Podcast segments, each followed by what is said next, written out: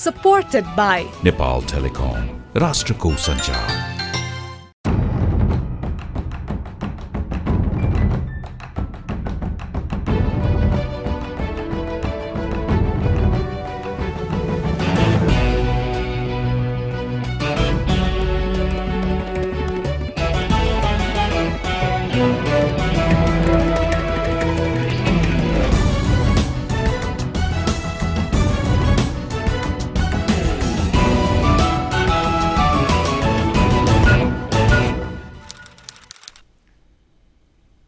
आदरणीय दर्शक तथा श्रोतावृन्द नमस्कार। कार्यक्रम टफ टकमा म दिलभूषण पाठक तपाईँ लगायत मेरा सबै सबै दर्शक तथा श्रोतालाई स्वागत गर्दछु।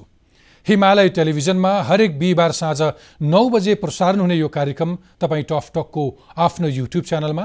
टफ टक प्रस्तुतकर्ता इन्टरफेस नेपालको web page Interface Nepal dot com र हाम्रो पात्रो एपमा हेर्न तथा आइएस चलाउने श्रोताहरूले आइट्युन्स र एन्ड्रोइड चलाउने श्रोताहरूले नेपाली पडकास्टमा पनि टफ टक सुन्न सक्नुहुनेछ।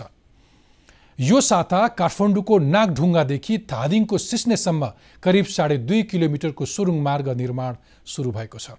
राजधानी छिर्ने मुख्य नाकाको जाम कम गर्नका लागि यो सुरुङ मार्ग निर्माण थालिएको हो। जापान सरकारको सहयोगमा बन्न लागेको यो सुरुङ मार्ग बयालिस महिनामा पुरा हुनेछ र यसले चार किलोमिटर दूरी छोट्याउनेछ। उता यौन दुर्व्यवहारको आरोपमा पक्राउ परेका तत्कालीन सभामुख कृष्णबहादुर महराको अदालती बयान सकिएको छ भने पूर्व मन्त्री मोहम्मद अफ्ताब आलमको मुद्दा अघि बढाउने प्रक्रिया चलिरहेको छ। अब लागौँ आजको विषयतर्फ। सांसदहरूको मर्यादाको गरिमालाई आदर गर्न माननीय भनेर सम्बोधन गर्ने चलन छ। नामको अगाडि माननीय झुन्ड्याउनुको अर्थ उनीहरूको मान गर्नुपर्छ। उनीहरू अलिक विशेष छन् र उनीहरू मर्यादामा बस्छन् भन्ने पनि हो। तर पछिल्लो समय माननीयहरूको एकपछि अर्को गर्दै आफ्नो मान गुम्दैछ। पदीय आचरण विपरीतका गतिविधिले उनीहरूको विश्वास घटिरहेको मात्र होइन माननीयहरूको बदनामी बढ्दैछ। गत महिना मात्र तिनजना सांसदमाथि पदीय आचरण विपरीतको अभियोग लाग्यो। सभामुख नै भएका व्यक्ति कृष्णबहादुर महरा यौन दुर्व्यवहारको अभियोगमा प्रहरी हिरासतमा हुनुहुन्छ। पटक पटक मन्त्री भएका मोहम्मद अफ्ताब आलम पनि बम विस्फोटका घाइतेलाई इटा भट्टामा जिउँदै जलाएको अभियोगमा हिरासतमा। व्यक्ति मारिएको एउटा घटनामा आरोप लागेका सांसद पार्वत गुरुङले अदालतमा गएर बयान दिनु पर्यो र अहिले उहाँ साधारण तारिकमा रिहा हुनुभएको छ। यसअघि पनि भ्रष्टाचार यौन दुर्व्यवहार अपहरण हत्या बम विस्फोट रातो पासपोर्ट दुरुपयोग लगायतका पदीय आचरण विपरीतका गतिविधिहरूमा संलग्न सांसदहरूको सङ्ख्या धेरै छ। सांसदहरू स्वार्थ समूहको गोटी बन्ने कानुन निर्माणभन्दा अन्यत्र ध्यान दिने भ्रष्टाचार अपराधिक र असामाजिक गतिविधिमा संलग्न हुने क्रम विगतमा भन्दा पछिल्लो समय झन बढेर गएको छ। यसले सांसदको गरिमा मात्र होइन समग्र संसदको प्रभावकारिता नै कमजोर बनाएर लगेको छ। संसदभित्र हुने बहस र छलफलको ओज खस्केको छ। सांसदहरू किन बदनाम हुँदैछन्? सांसदहरूको यो नैतिक पतन के कारण भइरहेको छ? कहाँबाट यो विकृति निम्त्यो? सांसदहरूको पदीय आचरण कस्तो हुनुपर्छ? किन सांसदहरू एकपछि अर्को विवादमा परिरहेका छन्? संसदभित्र सांसदको आचरणको अनुगमन संयन्त्र किन बन्न सकेको छैन? सांसदको व्यवहारका कारण हाम्रै संसदको प्रभावकारिता कुन हदसम्म खस्केको छ? संसदमा कानुन बनाउने भन्दा अन्य कुरामा किन बढ्ता बहस हुन्छ? के हाम्रा सांसदहरूले आफ्नो जिम्मेवारी बुझेका छैनन्? यस्तै प्रश्नको जवाब खोज्न आज मसँग हुनुहुन्छ संसदीय व्यवस्था संसदीय र संवैधानिक कानुनका अध्येता काशीराज दाहाल। उहाँले न्याय परिषदको सचिव प्रशासकीय अदालतको प्रमुखदेखि मिडिया कानुन र प्रशासन सम्बन्धी धेरैवटा सरकारी आयोग तथा निकायहरूमा विशेषज्ञको रूपमा काम गरिसक्नु भएको छ। आउनुहोस् स्वागत गरौँ। आजका मेरा अतिथि काशीराज दाहाललाई। काशीराज सर टकटकमा स्वागत छ। धन्यवाद। आराम हुनुहुन्छ? ठिक छ। केमा व्यस्त हुनुहुन्छ आजकल?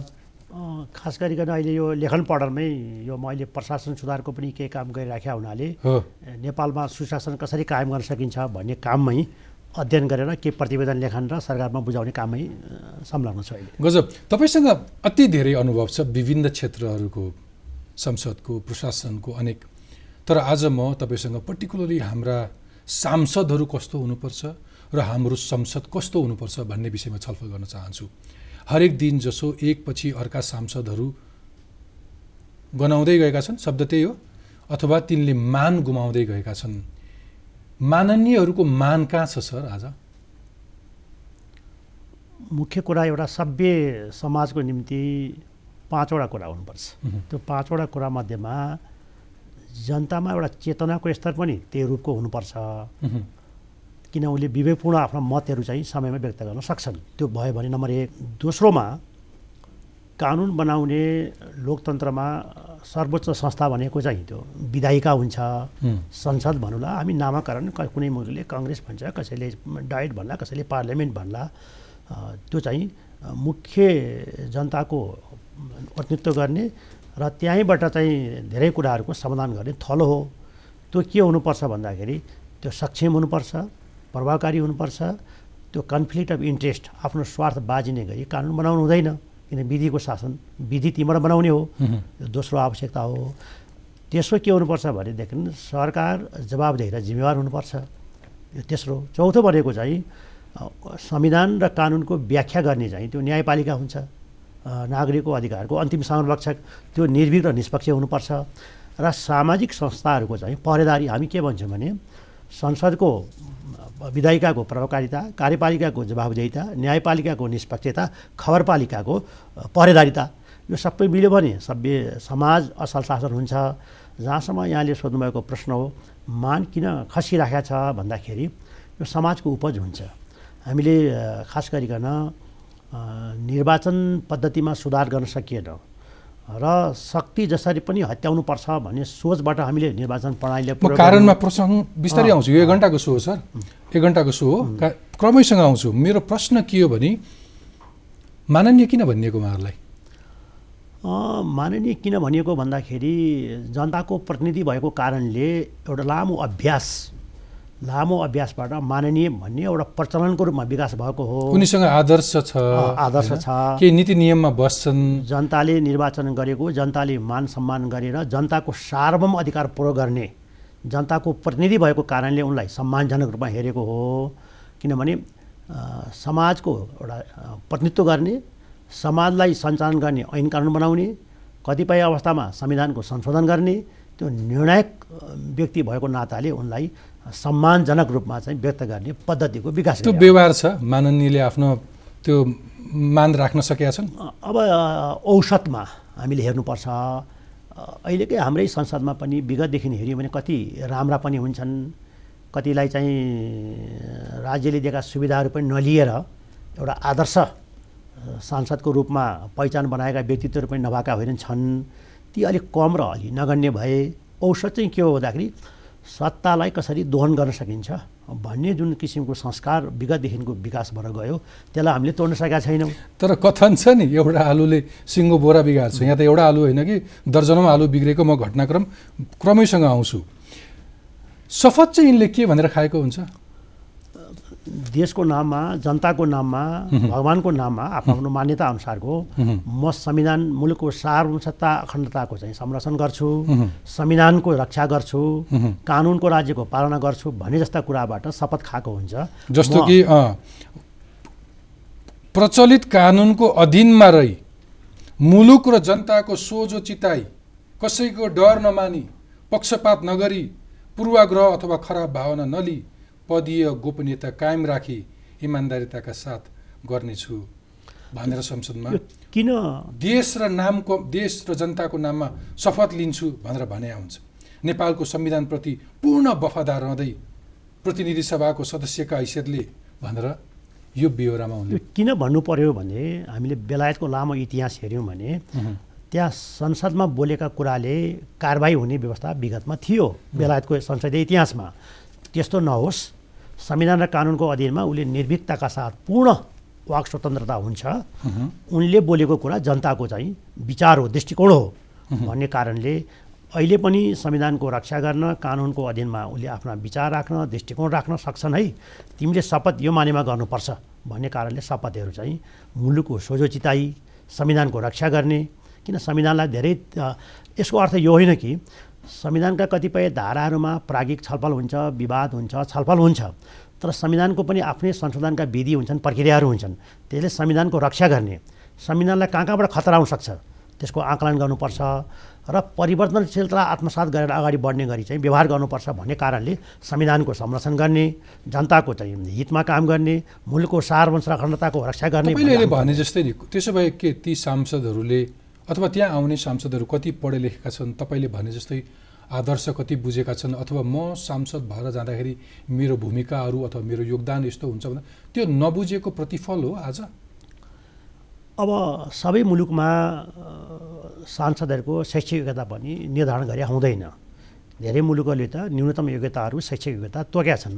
हाम्रो जस्तो मुलुकले किन तोकिन सकेन भने कोही व्यक्ति नपढेको भए पनि त्यो पपुलर हुन्छ। आचरण त चोर्न त्यसैले। आचरण त तोक्न सक्थ्यो त्यसैले आचरण त तोकिया छ अहिले पनि नतोकिया होइन। कार्यान्वयन कति भयो त अर्को प्रश्न हो। आचरण नभएको होइन। संविधानले पनि भनिदिएको छ। संविधानले पनि उच्च नैतिकवान हुनुपर्छ। नैतिक पतनमा फौजदारीमा सजाय पाएको व्यक्ति चाहिँ उम्मेदवारै हुन पाउँदैन। कानुनद्वारा अयोग्य छ भनेदेखि चाहिँ उम्मेदवारै हुन पाउँदैन भनेर संविधानले पनि तोकेको छ कानुनले पनि तोकेको छ। तर संविधान र कानुनले तोकेको त्यो अयोग्यताहरू कति उपयुक्त छन् छैनन् त्यो अहिले हामी छलफल गरौँला। तर नतोक्या होइन। त्यसले आचरण आचरण भन्ने बित्तिकै त्यो आफैले पालन गर्नुपर्ने हो। कमी कमजोरी के छ यहाँले भन्नु सोध्नुभएको जहाँसम्म प्रश्न हो। सांसद जनताको मतबाट व्यक्त निर्वाचित हुन्छ। उसले के कुराको चाहिँ आचरण पालना गर्नुपर्छ संसदीय अभ्यास के हो भन्ने कुरा चाहिँ लामो ओरिएन्टेसन दिनुपर्नेमा कता कता त्यो चाहिँ त्यो हामीले दिन सकिरहेका छैनौँ। सबैजना आउनुहुन्छ। तपाईँको चाहिँ संसदीय मर्यादा यो भाषा यसरी प्रयोग गर्नुपर्छ लोगो यसरी प्रयोग गर्नुपर्छ भन्ने कुराको चाहिँ हामीले त्यो किसिमको चाहिँ क्षमता विकास त्यो किसिमको अभ्यास त्यो अभ्यास चाहिँ हामीले गर्न नसकेका कारणले पनि हो। कतिले बुझेर गर्नुभयो होला कतिले नबुझिकन पनि त्यो गर्नुभयो होला। त्यसैले सबैलाई एउटै अर्थमा म सांसदका काण्डहरू क्रमैसँग तपाईँसँग छलफल गर्न मन लाग्यो। गत असोजमा मात्र तिनवटा घटनासहित सांसदहरूको बारेमा क्रमशः सुरु गरौँ। जस्तो सभामुख भइसकेको व्यक्ति अरूको के कुरा गराइ भयो सभामुख स्वयंलाई यौन दुर्व्यवहारको आरोप लाग्छ। यो यो कुनै परिबन्ध हो या गरिमाको ख्याल नगरेको? यो अहिले कानुनको दायरामा अनुसन्धानको क्रममा भए हुनाले यसको चाहिँ त्यो भित्र प्रवेश गरेर ठ्याक्कै अहिले निष्कर्षमा पुग्न कठिन हुन्छ। तर राज्यको महत्त्वपूर्ण जिम्मेवारमा बसेको व्यक्तिहरूले आफैले कतिपय कुरा हेक्का राख्नुपर्छ। आफ्नो सार्वजनिक जीवनमा पालन गर्नुपर्ने आचरण के हो? निजी जीवनमा पालन गर्नुपर्ने आचरण के हो? त्यो आचरणभित्र नरहँदाखेरि पार्ने प्रभाव के हुनसक्छ भन्ने कुराको मूल्याङ्कन नगर्दाखेरिका आएका यी चाहिँ अभियोगहरू आरोपहरू हुने मलाई लाग्छ। अब यसको त कतिसम्म कानुनको उल्लङ्घन भयो त्रुटि भयो आदि इत्यादि भन्ने कुरा त अनुसन्धानबाट कारवाहीबाट हुने विषय हो। जिम्मेवारी व्यक्तिले आफ्नो अनुशासनभित्र रहनुपर्छ।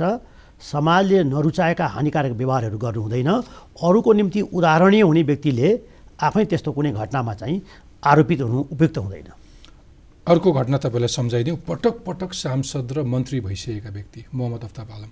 बाह्र वर्ष अघि इटाभट्टामा कुनै एउटा आफूले गरेको अपराधको प्रमाण नष्ट गर्न जिउँदै मान्छेलाई इटा भट्टामा हाल्छन्। यो कुन हदसम्मको बर्बरता हो? जनप्रतिनिधिबाट हुने। यदि अहिले यहाँले भन्नुभयो जस्तो कुरै भोलि अनुसन्धानबाट सत्य तथ्य प्रमाणित भयो भने यो जघन्य अपराध हो। यो जघन्य अपराध हो। अहिलेकै हाम्रो फौजदारी कानुनले पनि यसलाई अपराध मान्दछ। अब यसको अहिले चाहिँ अनुसन्धान छ अभियोग अभियोजन होला अदालतले त्यसको निरूपण गर्ला। तर यो कार्य भोलि सिद्ध भएर प्रमाणित भएको अवस्थामा यो जघन्य अपराध हो। राजनीतिक व्यक्तित्वले जो पद पटक पटक मन्त्री भएका व्यक्तिहरूले यस्तो किसिमको कार्य गर्नु समाजको निम्ति चाहिँ लसास्पदक हो। यो अपराध पनि हो र यो चाहिँ के भन्दाखेरि यसले चाहिँ त्यो गरिमा र प्रतिष्ठा संसदको राजनीतिक व्यक्तिहरूको बढाउँदैन। टिकापुर हत्याकाण्डको दोषी रेशम चौधरी जेलमा हुनुहुन्छ। अभियोग लागिरहेको बेला उहाँ निर्वाचित हुनुभयो। जनताले पनि जिताए फेरि। र जेलबाट संसदसम्म ल्याएर जेलमा रहेको व्यक्तिलाई शपथ खुवाउन मिल्छ सर? भारतमा दुई हजार तेह्र सालमा भारतीय सर्वोच्च अदालतले के भन्यो भने फौजदारी अभियोगमा अदालतको आदेशबाट कारागारमा छ अथवा प्रहरीको हिरासतमा छ भने त्यस्ता व्यक्तिहरू उम्मेदवार हुन सक्दैनन् भन्ने कानुनी व्यवस्था गर्न अदालतले निर्दिष्ट गर्यो। त्योभन्दा अगाडि के थियो भनेदेखि धेरै अभियोग लागेका व्यक्तिहरू निर्वाचित भए मसँग तथ्याङ्क पनि छ। कति व्यक्तिहरू कसरी आयो भन्ने कुराको केही तथ्याङ्क पनि अहिले म राखौँला। त्यसैले के गर्नु पर्थ्यो भने हाम्रो कानुन चाहिँ त्यो अनुरूपको हामीले बनाउन सकेनौँ। हाम्रो कानुनले के भनिदियो भने अपराधमा गम्भीर र सङ्गीन प्रकृतिका अपराधहरू पनि अन्तिम तहबाट फैसला भइसकेपछि मात्रै अयोग्य हुने भन्दाखेरि हाम्रो कानुनले के गरिदियो भने त्यो छुट दियो। अथवा बनाएको कानुनमा आफूलाई ठाउँ राखे त्यसैले यस- त्यसलाई यसरी भन्छ। निर्वाचनको स्वच्छता र उपयुक्त व्यक्तिको प्रतिनिधित्व गर्नको निम्ति यो कानुनमा पुनरावलोकन गर्नुपर्छ। अहिलेको कानुनले चाहिँ अझै पनि धेरै नघुमाउनु न अलिकति सिधा भनिदिनुहोस्। यो कानुन कसले बनाएको? यो कानुन सम्बन्धित संसदले बनायो। संसदले संसदमा को थिए? यिनीहरू नै थिए। पटक पटक पटक पटक सांसद हुने त तिनै मोहम्मद अफ्ताब आलम थिए नि। यस्तै पार्टी थियो नि। यस्तै तलमाथि कोही दुई चारजना नयाँ होला नि कोही पुराना होला मानिस यिनै हुन् तर त्यो आफ्नो स्वभाव अनुसारको कानुन बनाए होइन? आफूलाई छिरेर आउने ठाउँ राखिरहे त्यहाँ। त्यसैले अघि मैले भने संसद प्रभावकारी हुन राम्रो प्रतिनिधित्व हुनुपर्छ स्वच्छ छविको प्रतिनिधित्व हुनुपर्छ कानुन त्यसै गरी बन्नुपर्छ कानुनमा छिद्र राखेपछि खराब मान्छेहरूको प्रवेश हुन्छ। सर हामीलाई पूर्वाग्रही भएको आरोप लाग्छ। तपाईँ त कानुनविद तपाईँ धेरै नघुमाउनुहोस् न मलाई to the point yes no भनिदिनुहोस्। रेशम चौधरीलाई जेलमा रहेको व्यक्तिलाई शपथ खुवाउन मिल्थ्यो कि मिल्दैन थियो? जेलमा रा त्यसको कुनै औचित्य थिएन। त्यस त्यस त्यसको न चाहिँ न सभामा बैठकमा जान सक्ने अवस्था थियो रह्यो।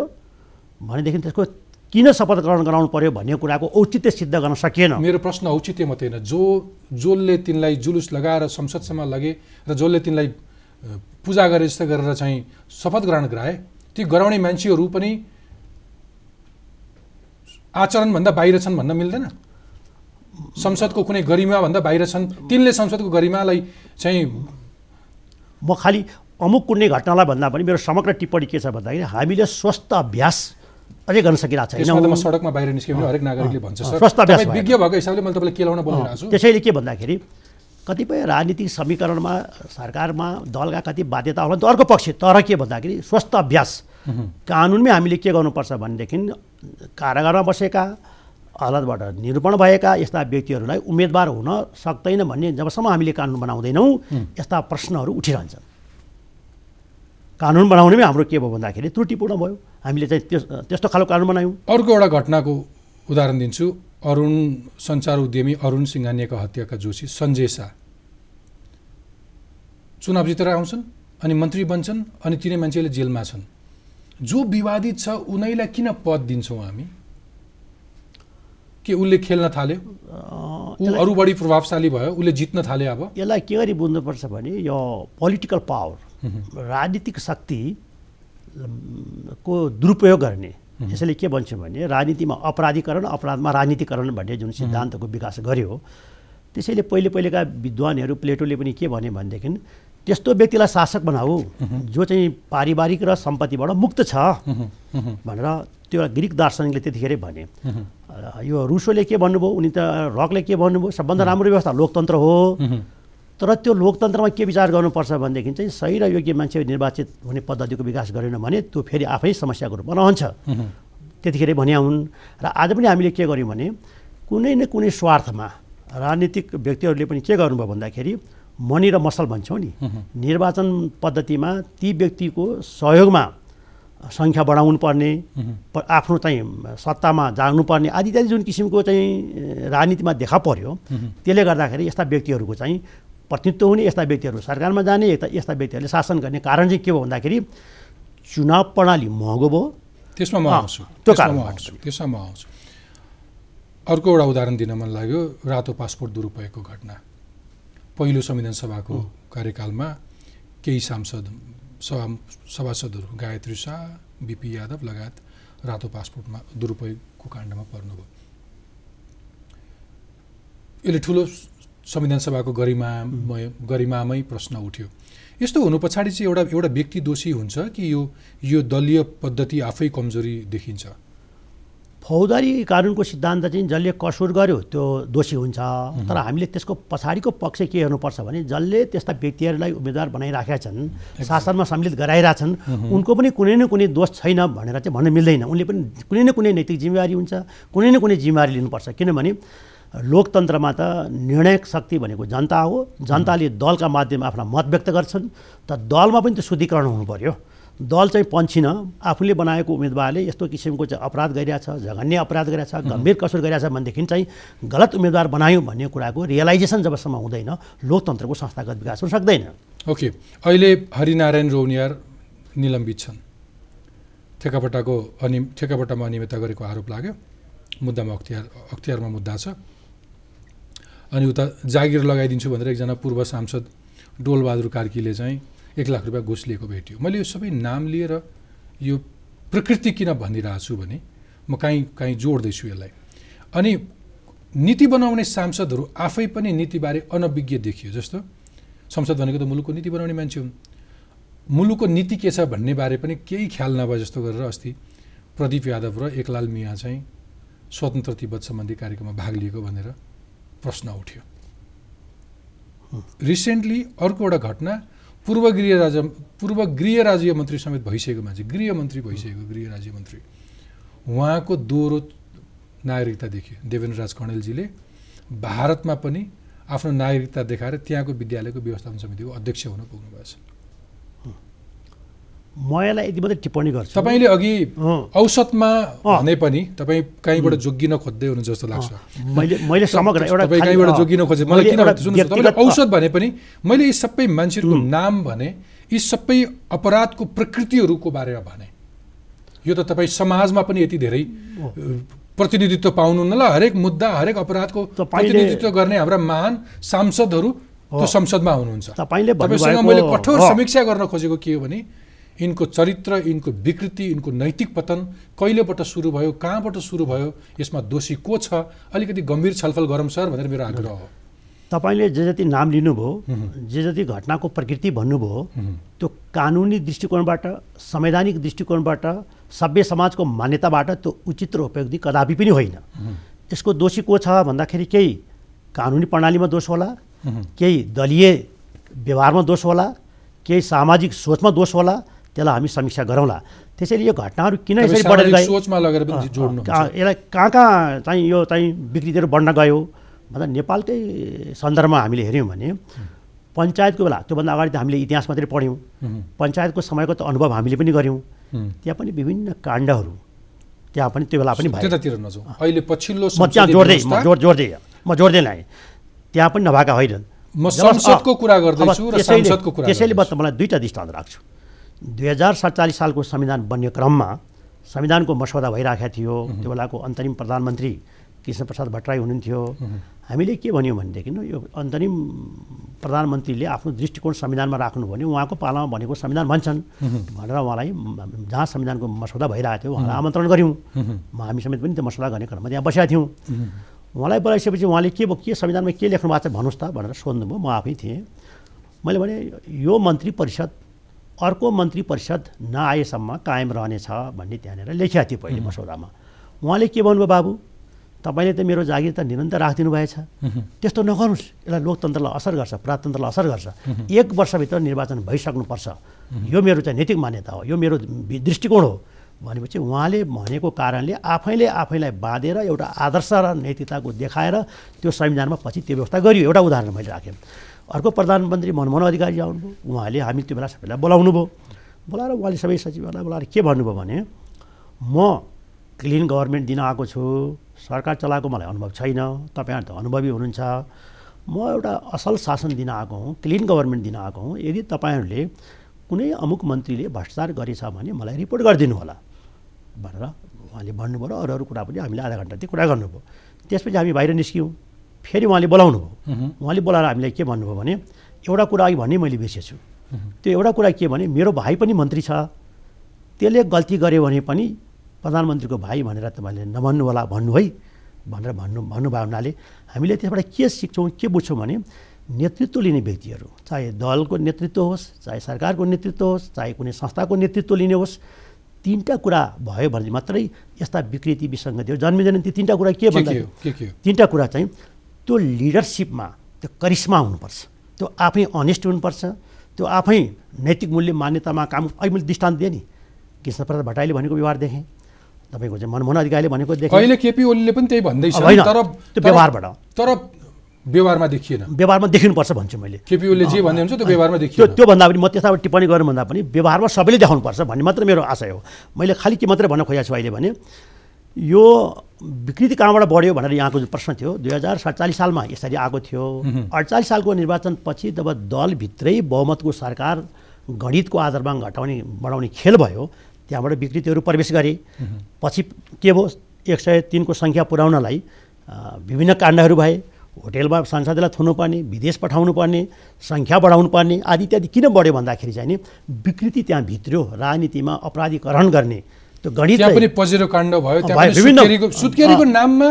सांसदहरूले भत्ता लिए त्यो त्यो त्यो विकृति भयो हुनाले अहिले हामीले के बुझ्नुपर्छ भने पात्रहरू अहिले व्यवस्था बदलिया छ संविधान बदलिया छ त पात्र र प्रवृत्तिहरूमा म, बदलिएन तात्विक अन्तर बदलिया। मानसिकता बदलिएन। त्यसैले के हुनु पऱ्यो भने जबसम्म मैले अघि भने नि यो सोचमा यो संस्कारमा त्यसैले संविधान एउटा कुरा हो लोकतन्त्र एउटा कुरा हो संवैधानिक संस्कृति र लोकतान्त्रिक संस्कृति भनेको अलग कुरा हो त्यसैले जबसम्म हामीले लोकतान्त्रिक संस्कृति संवैधानिक संस्कृति विधिप्रतिको प्रतिबद्धता व्यवहारबाट हामी देखाउन सक्दैनौँ तबसम्म चाहिँ व्यवस्था बदलिँदैमा सबै कुरा रातारात परिवर्तन हुँदो रहेछ भन्ने कुराको अनुभव यो घटनाहरूले देखाउँछ। यो घटनाले के देखाउँछ भने कता कता हाम्रो भित्रमा संविधान कानुन कानुनको राज्य आदि इत्यादिलाई जुन किसिमले अक्षरस पालन गर्नुपर्ने हो त्यो अभ्यासमा हामी चुकिराखेका छौँ कि भन्ने कुराको यसले सङ्केत गर्छ कतिपयले चाहिँ के भन्छन् भने पछिल्लो पटक जुन हामी यो समानुपातिक व्यवस्थामा गयौँ नि निर्वाचन प्रणाली यसले चाहिँ रिप्रेजेन्टेसनको एउटा एउटा ठाउँ चाहिँ बढायो। तर त्यो सँगसँगै यसले पैसाको बलमा सांसद बन्न पनि एउटा बाटो खोलिदियो यसले एउटा विकृति ल्यायो पनि भन्छन्। त्यो सत्य हो। तपाईँलाई त्यस्तो लाग्छ? तपाईँको यो प्रश्नको सन्दर्भ हेर्दा मैले अहिले केही तथ्याङ्कहरू तपाईँलाई म यहाँ अहिले चाहिँ यो भारतको निर्वाचनको दुई हजार पाँच पछाडिको तपाईँलाई यहाँ फिगर छ। अब दुई सय पन्ध्र सदस्य भएको कुनै पार्टीले वटा चाहिँ क्रिमिनल केसमा उसलाई कारवाही भएको मान्छे मध्ये उन्तिसजना निर्वाचित भएछ संसदमा।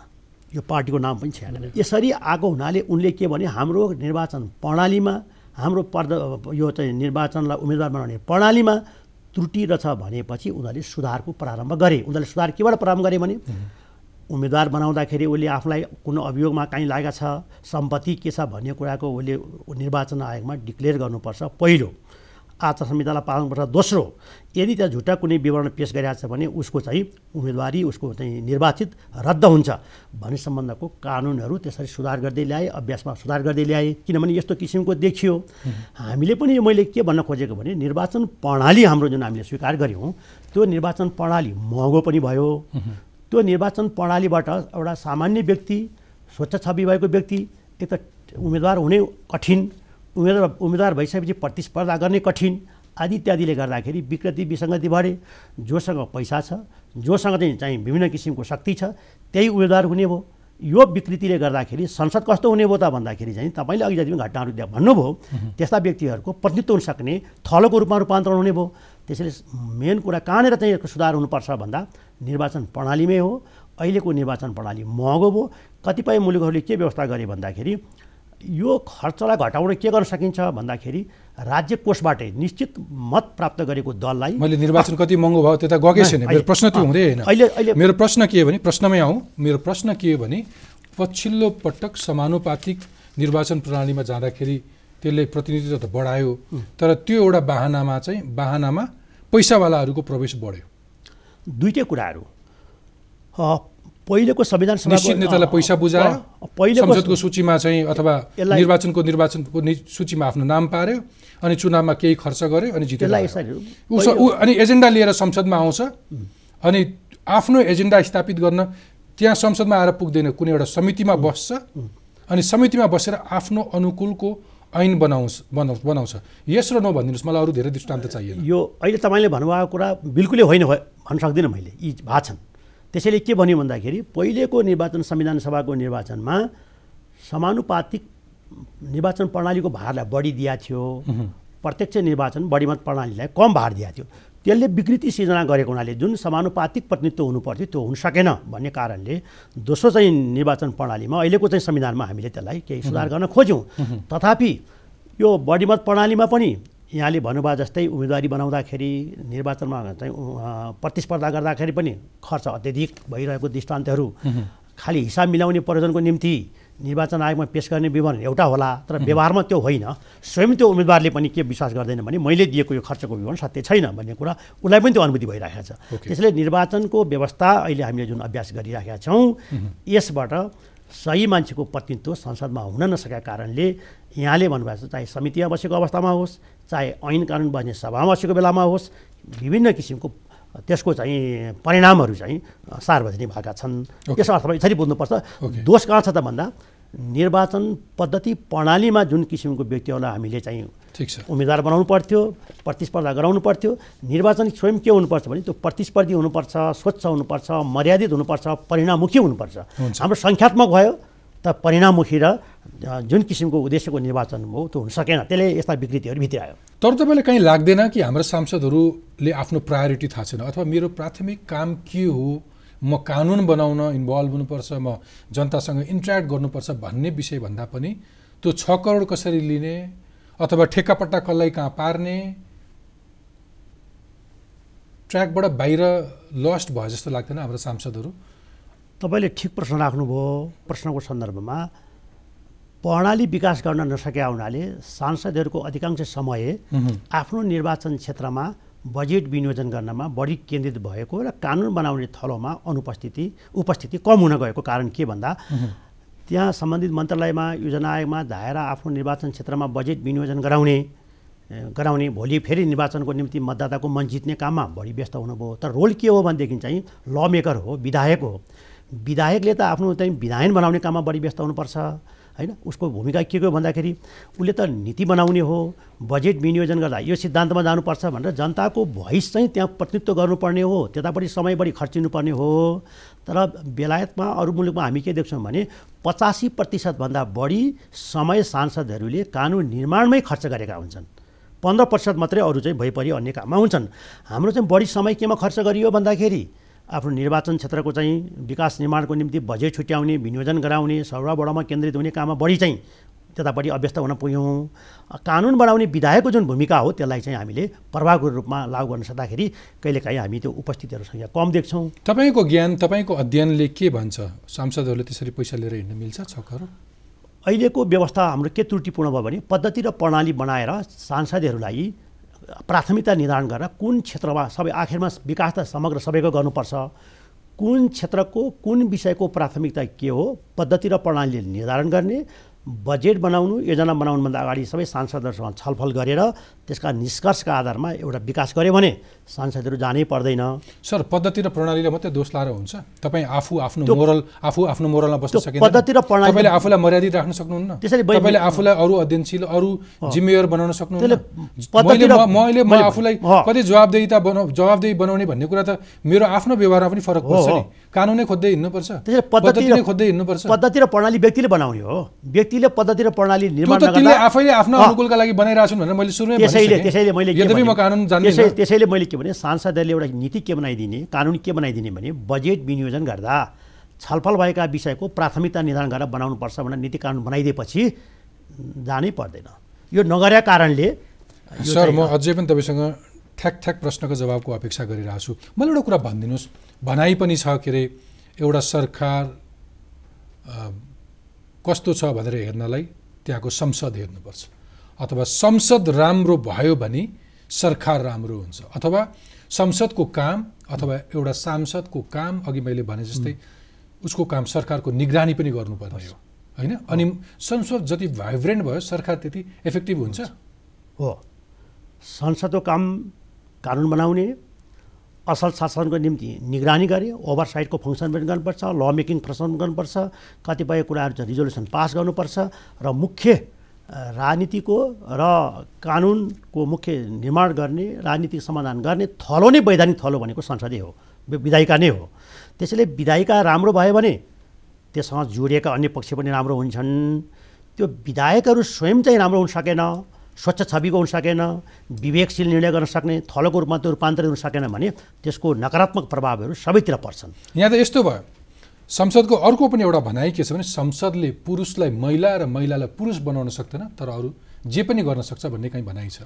यो बेलायतको संसदलाई त्यो भनिन्थ्यो। बेलायतको संसदलाई हामी हामी त्यसैको सिक्को गर्छौँ। बेलायतको संसदमा के भने बेलायतको सोच छुट्टै संविधान थिएन।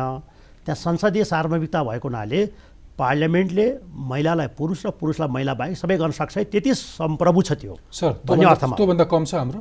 हाम्रो पनि संविधानको अधीनमा हाम्रो पनि के बुझ्नुपर्छ भने संसद पनि संविधानको अधीनमा त्यसले पुरो गर्नुपर्छ सरकार सबैले। धेरै नगुमाउँ हाम्रो पार्लियामेन्ट कम पावरफुल छ? हाम्रो हाम्रो संसदले पनि सरकार बनाउन सक्छ सरकारमाथिको अविश्वासबाट हटाउन सक्छ कानुन बनाउन सक्छ र सन्धि सम्झौताको अनुमोदन गर्न सक्छ कतिपय संवैधानिक निकायका महत्त्वपूर्ण पदाधिकारीलाई महाभियोग लगाउन सक्छ सक्छ। एउटा शब्दमा भन्नुहोस्। यो कम पावरफुल हो। त्यसैले हाम्रो चाहिँ यति पावरफुल पार्लियामेन्ट छ होइन? यसले जे पनि गर्न सक्ने रहेछ। तर यसले गर्नुपर्ने राम्रो काम नगरेर अरू जे पनि भनेको चाहिँ बलात्कार गर्न गयो हत्या गर्न गयो भ्रष्टाचार गर्न गयो त्यही गरिरहेछ होइन? हामीले सबै मुलुकको संसदलाई अध्ययन गऱ्यौँ भने चार किसिमको देखिन्छ। त्यसभित्र हाम्रो कहाँ पर्छौँ हामी हेरौँ। एउटा डमी पार्लियामेन्ट भन्छ। डमी संसद भन्दा एउटा सांसदको क्यारेक्टर क्यारेक्टर डमी पार्लियामेन्ट भनेको चाहिँ त्यो चाहिँ त्यो त्यसले खालि औपचारिकता मात्रै निर्वाह गर्ने हुन्छ। केही मुलुकमा त्यस्ता पार्लियामेन्टहरू पनि थिए। अर्को के हुन्छ एरिना पार्लियामेन्ट भन्छ। एरिना पार्लियामेन्ट भनेको चाहिँ मूल थलो त्यो मूल धुरी समस्या समाधान गर्ने केन्द्र हो। जस्तो बेलायतको पार्लियामेन्टलाई त मैले भन्नुभयो नि त्यो बेलायतको पार्लियामेन्ट इन्डियाको पार्लियामेन्ट कतातर्फ गइरहेको त्यो एरिना पार्लियामेन्टको रूपमा। अर्को ट्रान्सफर्मेटिभ भनेको परिवर्तनशीलतालाई आत्मसात गर्ने व्यवस्थालाई लैजाने त्यो अमेरिकन पार्लियामेन्टहरू। अर्को इमर्जिङ पार्लियामेन्ट अहिले युगान्डा रुवान्डामा छन्। त्यसरी मैले यहाँलाई भन्नुभएको सांसद एउटा इन्डिभिजुअल सांसद जोडिएर मात्रै संसद बन्ने हो। त्यहाँ एउटा विकृति भयो भने त त्यसले छिटाहरू त सबैतिर पर्छ। त्यसैले संसदै प्रभावकारी हुनलाई के हुनु पऱ्यो अघि हामीले जे पनि कुरा गऱ्यौँ। ओके। अब चिन्ता के हो भने तपाईँको कुरा मैले चिन्ता के हो भने एकजना सांसद मात्रै होइन। दुईजना सांसद मात्रै होइन तिनजना चारजना पाँचजना छजना सातजना कति गरौँ? एक दर्जन मात्रै होइन। अब यो दर्जनको सङ्ख्या अरू बढ्दै गयो। खाली होला जस्तो छ एउटा नैतिकवान एउटा आचरण भएको सांसद भेटिन। अब मैले तपाईँलाई सोध्न खोजेको प्रश्न के हो भने तपाईँले अघि कृष्णप्रसाद भट्टराईको नाम लिनुभयो मनमोहन अधिकारीको नाम लिनुभयो अहिलेका प्रधानमन्त्री केपी शर्मा ओलीले पनि भन्नको लागि केही पनि बाँकी राखेको छैन। अब कुनै शब्द बाँकी छैन होला। अब आदर्शको कुनै उखान बाँकी छैन होला उहाँले भन्नलाई। तर पार्लियामेन्टलाई एउटा जिम्मेवार जवाबदेही अनुशासित बनाउनलाई मुलुकमा संयन्त्र त छ नि होइन? आचरण अनुगमन गर्ने व्यवस्था छ नि। तर ध्यान किन जाँदैन कसैको? बोल्दैन किन? काले काले मिलेर खाउँ भाले। यो हाम्रो संसदीय व्यवस्थामा दलीय व्यवस्थामा सांसदहरू दलकै प्रतिनिधित्व गरेर निर्वाचित हुन्छन्। दलले नै अनुशासनमा राख्नुपर्छ। यसको लागि दल जिम्मेवार हुनुपर्छ। आफ्नो दलले आफ्नो सांसदलाई राजनीतिक प्रश्नमा व्हिप जारी गरेर समीकरण गरिन्छ। कतिपय कानुन बनाउने कुरोमा विवेकपूर्वक गर्न सक्छन् अघि तपाईँले दोष लागेको पद्धति प्रणाली त चेन्ज गर्न सक्छन् नि सक्छन्। त्यसैले के भने त्यसकारण पहिलो इन्डिभिजुअलमा राख्छ नि अर्थ त। मेरो प्रश्न त्यही हो। त्यसैले दलहरू प्रतिस्पर्धी बहुदलीयतामा दल निर्णायक हुन्छ त्यो उम्मेदवार चयनमा। त्यसैले कस्तो उम्मेदवार चयन गरिरहेको छु र त्यसले के आचरण गरिरहेको छु भनेर त्यसलाई नेगीबदी गर्ने निगरानी गर्ने हेर्ने सम्पूर्ण जिम्मेवारी त राजनीतिक दलहरूकै हो। राजनीतिक दलहरूले त्यो काम गर्नुपर्छ। सरकार ठिकसँग चलिचलन संसदले हेर्छ। त्यसो भए म म अलिकति अझै कठोर हुन्छु। त्यो किन दल गर्दैन भने ऊ आफै इन्भल्भ छ। ऊ आफै संलग्न छ। उसले किन गर्छ? त्यहाँ देखिएका त्यस्ता अधम त्यस्ता चरित्रहीन त्यस्ता नैतिकहीन त्यसैले त्यस्ता सांसदहरूलाई किन ऊ कारवाही गर्दैन भने ऊ त्यसैमा निर्भर छ।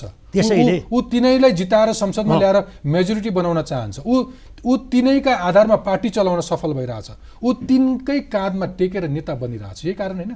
त्यसैले मैले अघि के भने लोकतन्त्रलाई संस्थागत गर्न सभ्य समाज निर्माण गर्नको निम्ति पाँचवटा कुरा हुन्छ भनेकोलाई यदि कुनै दल विशेषले नेतृत्व विषयले गर्दैन भने आवधिक निर्वाचनको माध्यमबाट त्यसलाई बदल्ने अधिकार त अन्तिम जनतामै छ त्यो मात्रै होइन। तपाईँ जस्तो मान्छेले खुलेर बहस गर्न हिम्मत गर्नुपर्छ। मैले प्रश्न गर्न सक्नुपर्छ र तपाईँले मेरो प्रश्नको जवाब दिन सक्नुपर्छ।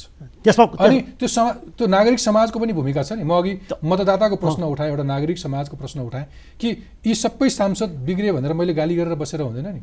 मैले मेरो निर्वाचनको बेलामा कति योग्य मान्छे खोजेँ? मैले कति अयोग्य मान्छेलाई बहिष्कार गर्न सकेँ? मेरो प्रश्न मेरो दर्शकलाई पनि छ। तर तपाईँ हामीले पनि कति धेरै छलफल गऱ्यौँ कति धेरै बहस चलायौँ कति धेरै प्रश्न गऱ्यौँ लोकतन्त्रको अर्को महत्त्वपूर्ण पक्ष भने के? प्रश्न होइन। तपाईँले भन्नुभएको कुरा विवादै छैन जनता मैले तपाईँले किन प्रश्न गराउनु भएको छ? म त पनि सोचिरहेको छु। तपाईँले होइन। तपाईँले जुन माध्यमबाट गइरहनु भएको छ आफ्नो भूमिका निर्वाह गर्नुभएको छ मैले जहाँ बसेर आफ्नो गर्ने काम आफ्नो भूमिका गरिरहेको छु तर के हुनु पऱ्यो भने यसलाई निरन्तर छलफल गर्नुपर्छ। एकै दिनमा कुनै कुराहरू सुधार नहोला। तर हाम्रो चाहिँ के हो भने मेरो प्रश्न के हो भने आजभन्दा अलिकति टोन बढी अलिकति हाई होला। प्रश्न के हो भने मैले फेरि पनि यसलाई जोड दिन खोजेँ। अब कठोर हुने बेला आइसक्यो। समीक्षा पनि कठोरताका साथ। प्रश्न पनि कठोरताका साथ राख्ने बेला भइसक्यो। किनभने योभन्दा कठोर के हुनसक्छ? एउटा सांसद पटक पटक सांसद भएको एउटा मन्त्रीले जिउँदै इटा भट्टामा मान्छे मारेको आरोप छ।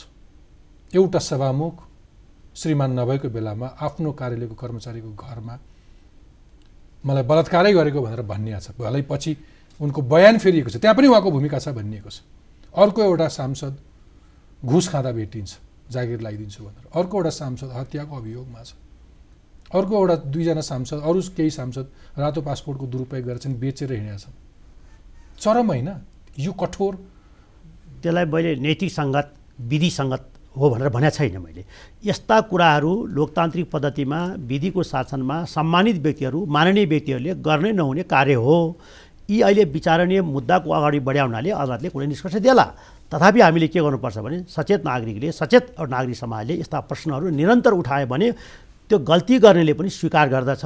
त्यसले पब्लिक ओपिनियन जनमत महत्त्वपूर्ण कुरा हुन्छ।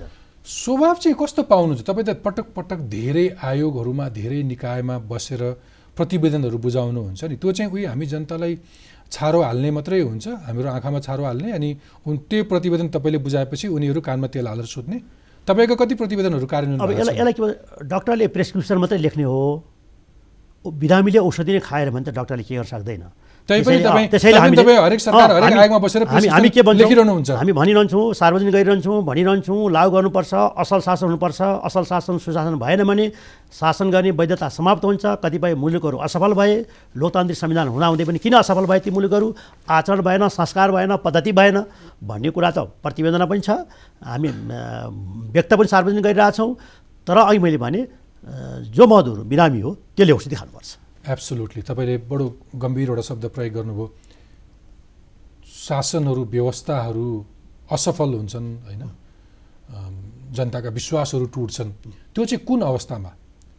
यस्तै यस्तै घटनाक्रमहरूको क्लाइमेक्स के हो? कतिखेर? जुन मुलुकमा लोकतन्त्र लोकतान्त्रिक व्यवस्था पनि कमजोर असफल भएको छन् त्यो कस्तो अवस्थामा हुँदो रहेछ भने जुन मुलुकमा असल शासन भएन नागरिकको अधिकार सम्मान भएन सम्मानित व्यक्तिहरूले सम्मानजनक व्यवहार गर्न सकेनन् विधिको शासन कायम भएन लोकतान्त्रिक संस्कार र राजनीतिक संस्कृति व्यवहारमा भएन जनताले चुस्त र सेवा प्रभावकारी रूपमा पाउन सकेनन् भने उनले नागरिकले अथवा जनताले संविधानको अमुक धारामा के लेखेको छ त्यो सरकार राख्दैन। त्यो संविधानमा लेखेको धाराबाट पानी आयो कि आएन उनको आवश्यकता प्रतिप्रति भयो कि भएन। सरकार त्यसप्रति गम्भीर भयो कि भएन? सम्बन्धित तह त्यसप्रति जिम्मेवार भयो कि भएन भनेर कुरा उसले हेर्ने हो। यदि संविधानको उद्देश्य लक्ष्य अनुरूपको हामीले व्यवहार गर्न सकेनौँ भने त्यो बेला असफल हुन्छ। अहिले चाहिँ तपाईँले हेर्नुहोला वाइ द नेसन फेल भन्ने धेरै पुस्तकहरू लेखेका छन्। उनले के भने यो भूगोलको कारणले असफल हुने होइन मौसमको कारणले पनि होइन। कुनै पनि मुलुक असफल हुने कारण चाहिँ सुशासन दिन नसक्दा भ्रष्टाचार बढ्दा नैतिकता र आचरणको चाहिँ उल्लङ्घन हुँदा असफल हुन्छ राज्यहरू। त्यसैले गम्भीर हुनुपर्छ राज्य शासन एउटा व्यक्ति जोडिन्छ। जोडिन्छ। उसको आचरण जोडिन्छ। उसको क्षमता जोडिन्छ। उसको नियत जोडिन्छ। मैले तपाईँलाई सोधेँ हो। हामी अहिले कहाँ छौँ? कुन अवस्थामा छौँ मेरो प्रश्न? अहिले हामी यस्तो सङ्क्रमण कालमा छौँ। हामीले एउटा व्यवस्थाबाट अर्को व्यवस्थामा तपाईँसँग किटान सहित एउटा स्पष्ट कानुन छ। तपाईँसँग फुल मेजोरिटीको एउटा गभर्मेन्ट छ। कम्प्लिट एउटा पार्लियामेन्ट छ।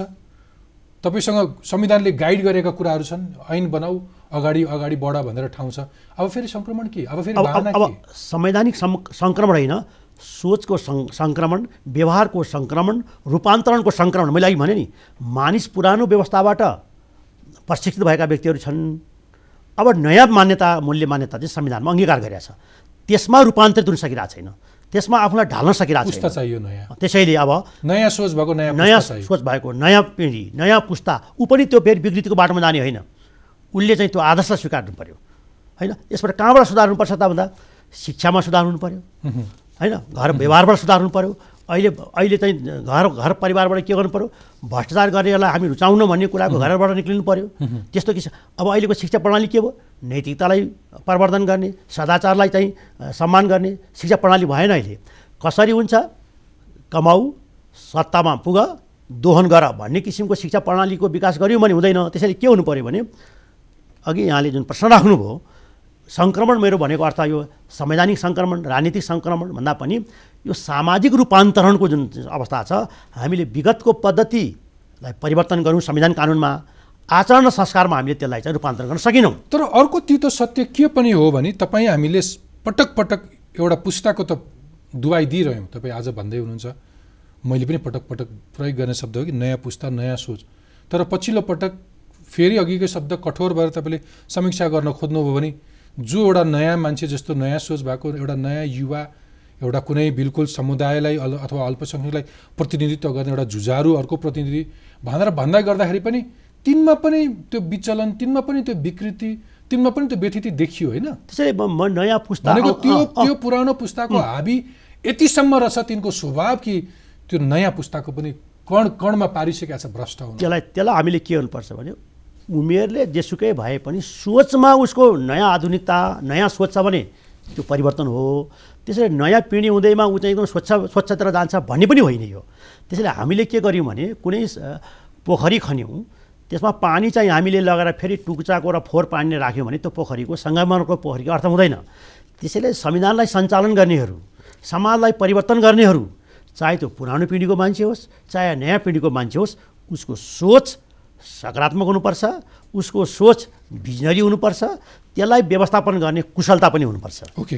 अब त्यो संसदलाई अलिकति गतिलो बनाउनलाई अघि हामीले भने जस्तै एउटा एउटा राम्रो संसद एउटा राम्रो सांसद भयो भने बल्ल एउटा राम्रो संसद हुन्छ। एउटा राम्रो संसद भयो राम्रा सांसदहरूको संसद भयो त्यो अलिकति भाइब्रेन्ट भयो भने अनि बल्ल एउटा राम्रो सरकार हुन्छ भनेर भन्यो। त्यसका लागि अघि हामीले भन्यो कुनै एउटा संयन्त्र छ मेकानिजम छ त्यसले त्यो कतिलाई विधिसम्मत तरिकाले राख्न अरू केही संसदलाई अलिक प्रभावकारी बनाउन के गर्नुपर्छ होला? समितिहरू हुन्छन् त्यहाँ। अघि मैले भने समितिहरू फेरि एउटा स्वार्थ समूह एउटा निश्चित उद्देश्य लिएर आएका छन् त्यो समितिमा बस्न र आफ्नो अनुकूलको ऐन कानुन बनाइरहेको छन् अथवा लबिङ गर्छन्। त्यो समितिलाई पनि प्रभावकारी बनाउनुपर्छ संसदलाई पनि प्रभावकारी गर्नुपर्छ। कसरी? नम्बर एक दलहरू पहिले जिम्मेवार हुनुपर्छ। सबभन्दा पहिले दलमा गएर दलमा जान्छ। दलका सभापतिहरू अध्यक्षहरू नेतामा गएर जोडिन्छ। आन्तरिक लोकतन्त्र हुनुपर्छ। अनि ऊ सबैभन्दा पहिले त ऊ उसको आचरण हुनु पर्यो त्यसैले त्यसैले मैले बुदागत भन्छु। दलको स्वस्थ आचरण हुनुपर्छ। योग्य र सक्षम व्यक्ति उम्मेदवार बनाउने पद्धतिको उनले विकास गर्नुपर्छ। निर्वाचन प्रणालीमा हुने अनुत्पादक खर्चलाई रोक्ने सिद्धान्त र व्यवस्थाको हामीले विकास गर्नुपर्छ। र संसदलाई प्रभावकारी बनाउनलाई संसदले आफ्नो भूमिका बुझ्नुपर्छ। त्यो भूमिका के भन्दा विधायनको क्षेत्रमा उसको बढी समय बढी खर्च हुनुपर्छ र उसको अनुगमन गर्ने काम निगरानी गर्ने काम ल मेकिङ काम सबै त्यो विधायकको हो। र जुन अहिले जुन विकास बजेटमा बढी अल्मलिने छन् यसलाई हामीले अन्त्य गर्नुपर्छ र कानुन निर्माणमा बढी केन्द्रित गर्नुपर्छ र सधैँ संसद नबसेको बेलामा संसदको भूमिका निर्माण गर्न समितिहरू हुन्छन्। ती समितिहरूलाई मिनी पार्लियामेन्ट भनिन्छ। त्यो मिनी पार्लियामेन्टमा के हुनुपर्छ भने प्रशस्त समय केमा खर्चिनुपर्छ भने ऐन कानुन बनाउने विषयहरूमा शब्द शब्दमा दफा दफामा यो कानुनले हामीलाई दुर्गामी के प्रभाव पार्छ भन्ने कुरा हामीले त्यहाँ छलफल गऱ्यौँ परिमार्जन गऱ्यौँ अब हामीले खालि पास पास मात्रै भन्ने अर्थमा हामीले कुनै पनि अभ्यास गऱ्यौँ भनेदेखि त फेरि तुरुन्तै संशोधन गर्नुपर्छ। त्यसैले कानुन बनाउनलाई हामीले बढी समय लगाउने परिपक्व कानुन बनाउने समिति प्रभावकारी हुने यसको निम्ति अहिले कतिपय मुलुकको हामी दृष्टान्त के देख्छौँ भने त्यहीभित्र सूचना ब्याङ्कको व्यवस्था छ त्यहीभित्र उसको रिसोर्सको व्यवस्था छ त्यहीभित्र उसको सक्षम जनशक्तिको व्यवस्था छ अनि उसले त्यही अनुसारको चाहिँ राम्रो कानुन बनाउँछ। कानुन बनाएपछि कार्यान्वयन हुन्छ। त हाम्रो के भयो भन्दाखेरि कानुन त छ भ्रष्टाचारको रोकथामलाई नियन्त्रण गर्ने कानुन पनि छ सुशासन गर्ने कायम पनि छ तर किन हुन सकेन भने कानुनको कार्यान्वयनमा उदासीनता भयो। त्यो कसले त्यो उदासीनतालाई हटाउने कसको जिम्मेवारी हो? अथवा अथवा तपाईँहरूकै कथन तपाईँहरूकै भनाइ गर्ने हो भने उयो ऐन त सानालाई हो नि सानालाई हो नि ठुलालाई चाहिनु त्यसैले संसद र संसदीय समितिहरूले निगरानी गर्ने ओभरसाइड काम गर्ने कहाँ कहाँ असल शासनमा कमी कमजोरी भयो सरकारलाई रिपोर्ट गर्ने संसदमा प्रश्न गर्ने यो समयमा यो व्यवस्थामा यता बढी समय खर्चिनुपर्छ। हामी कता खर्च्यौँ अर्कोतिर गयौँ। ऱ्यान्डमली कुनै सांसदलाई असल शासन भनेर के हो भनेर सोध्यो भने जवाब त दिन सक्छन्। अब म आज म पनि अलिकति अलिकति आक्रोशित जस्तो देखियो होला म यो विषयमा रिसर्चको सिलसिलामा हिजो धेरै सर्वसाधारणदेखि लिएर विज्ञहरूसँग संवाद गरिरहेको थिएँ। त्यो त्यो विस्मित त्यो पीडा पनि होला त्यो छटपट्टि त्यसकारण केही अभिव्यक्ति होला। तर यति हुँदाहुँदै पनि हामीले सधैँ भन्ने गरेको एउटा एउटा उत्कृष्ट संविधान जे भए पनि त्यो संविधानले सिर्जना गरेको एउटा संसद त हो त्यस त्यसलाई टेकेर बनेको एउटा संसद। यसका केही राम्रा पक्षहरू पनि छन्। हामीले ती त नराम्रा पक्षहरूको समीक्षा गऱ्यौँ त्यो भोलि सुध्रिन्छ भनेर त्योभन्दा बाहेक बाहेक अरू कुनै उद्देश्य छैन। यो संसदका राम्रा पक्षहरू चाहिँ के के छन्? अनि म बिट मार्छु। म अक्सर यो सोको लास्टमा एउटा पोजिटिभ नोटमा एन्ड गर्न सक्छु। मेरो प्रश्न यही यो संविधान आइसकेपछि समयमै निर्वाचन भयो। सङ्घीय प्रणाली अन्तर्गत तिनै तहका निर्वाचन सम्पन्न भए। तिनै तहमा सङ्घीय इकाइहरू तह तहमा गठन भएको छन्। ती कार्यरत छन्। त्यो एउटा पक्ष। दोस्रो एउ खास विचार मिल्नेहरूको बिचमा दलहरूको एकीकरण भइरहेको छ। संविधानको स्वीकार्यताप्रतिको चुनावमा भाग लिएर केही बढ्दै गएको छ। यसका केही सकारात्मक पक्षहरू छन्। तर पनि यसको प्रभावकारिताको सम्बन्धमा केही ऐन कानुन बने जस्तो चाहिँ मौलिक हकसँग सम्बन्धित सोह्र सत्रवटा कानुनहरू बने अन्य कतिपय ऐन कानुनहरू बनेका छन्। यो चाहिँ तिनवटा कुराहरू संविधान कार्यान्वयनको सम्बन्धमा तिनवटा कुराहरू तत्कालै गर्नुपर्छ भन्ने द्वन्द्वपछिको मुलुकहरूमा दिगो शान्ति विकास सुशासनको निम्ति केही तिनवटा काम गर्नुपर्छ भन्ने मान्यता छ। एक संविधानले अपेक्षा गरेका कानुन समयमा बनाउनु पर्ने तिन वर्षभित्र कानुन बनाउनु पर्ने केही समय सीमा थियो केही कानुन बने।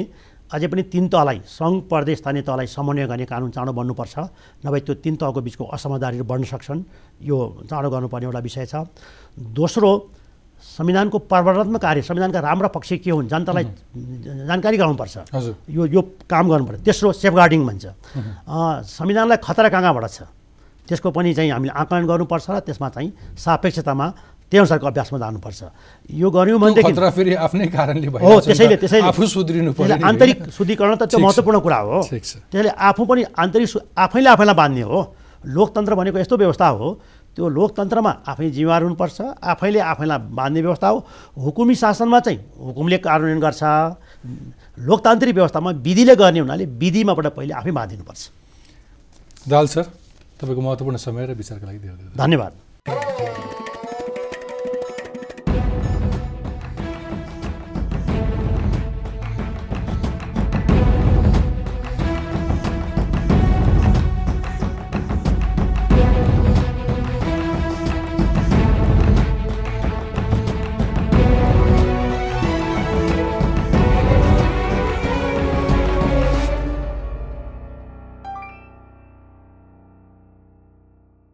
Supported by Nepal Telecom, Rashtraku Sanchar.